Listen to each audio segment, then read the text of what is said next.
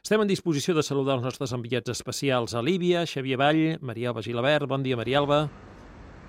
Hola, bon dia des de Trípoli. Com estan les coses als dos fronts de guerra, el de Sirte i el de Saba?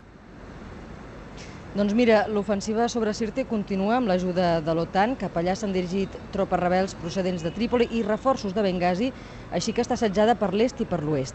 Aquesta ciutat disposa d'una important instal·lació militar i estem que allà la batalla sigui molt més sagnant que la que hi va haver a Trípoli.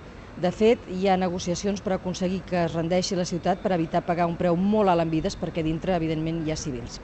Si cau Sirte, ja només quedarà per conquerir Saba, que és una localitat situada al sud del país, al desert, camí d'Algèria, que és també un dels possibles països d'acollida de Gaddafi que ara mateix sembla no tenir cap més altra opció que amagar-se i esperar que algun dia el pesquin, com li va passar a Saddam Hussein, o fugir a l'estranger. I Algèria, com ja sabeu, és un possible destí. La situació a Trípoli, mentrestant, sembla que millora cada dia que passa. Què hi heu vist avui? Avui la gent molt relaxada. Avui els mercats han obert eh, i tret de carn es podia comprar gairebé de tot. Els carrers tenen molta més vida. Eh, les barricades han desaparegut. A moltes cantonades es veuen camions cisterna i cues de gent amb bidons de plàstic que esperen per omplir-los. I precisament en una d'aquestes cues un tripolità ens explicava que aquesta aigua ve de les poblacions veïnes dels pous que tenen a les cases particulars. A Tajura, hi ha beaucoup d'eau. A Tajura hi ha molta aigua.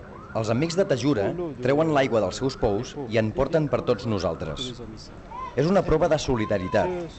Ara no tenim problema. El problema més gros ja s'ha acabat, o gairebé. El problema.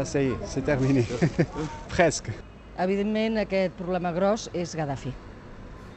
Molt bé, Maria Alba, per l'ambient de fons que ens fa arribar Xavi Vall, ens sembla percebre aquest intent que ens dieu de recuperar la quotidianitat en aquest país tan castigat. Gràcies, companys, i bon dia. Adéu, bon dia.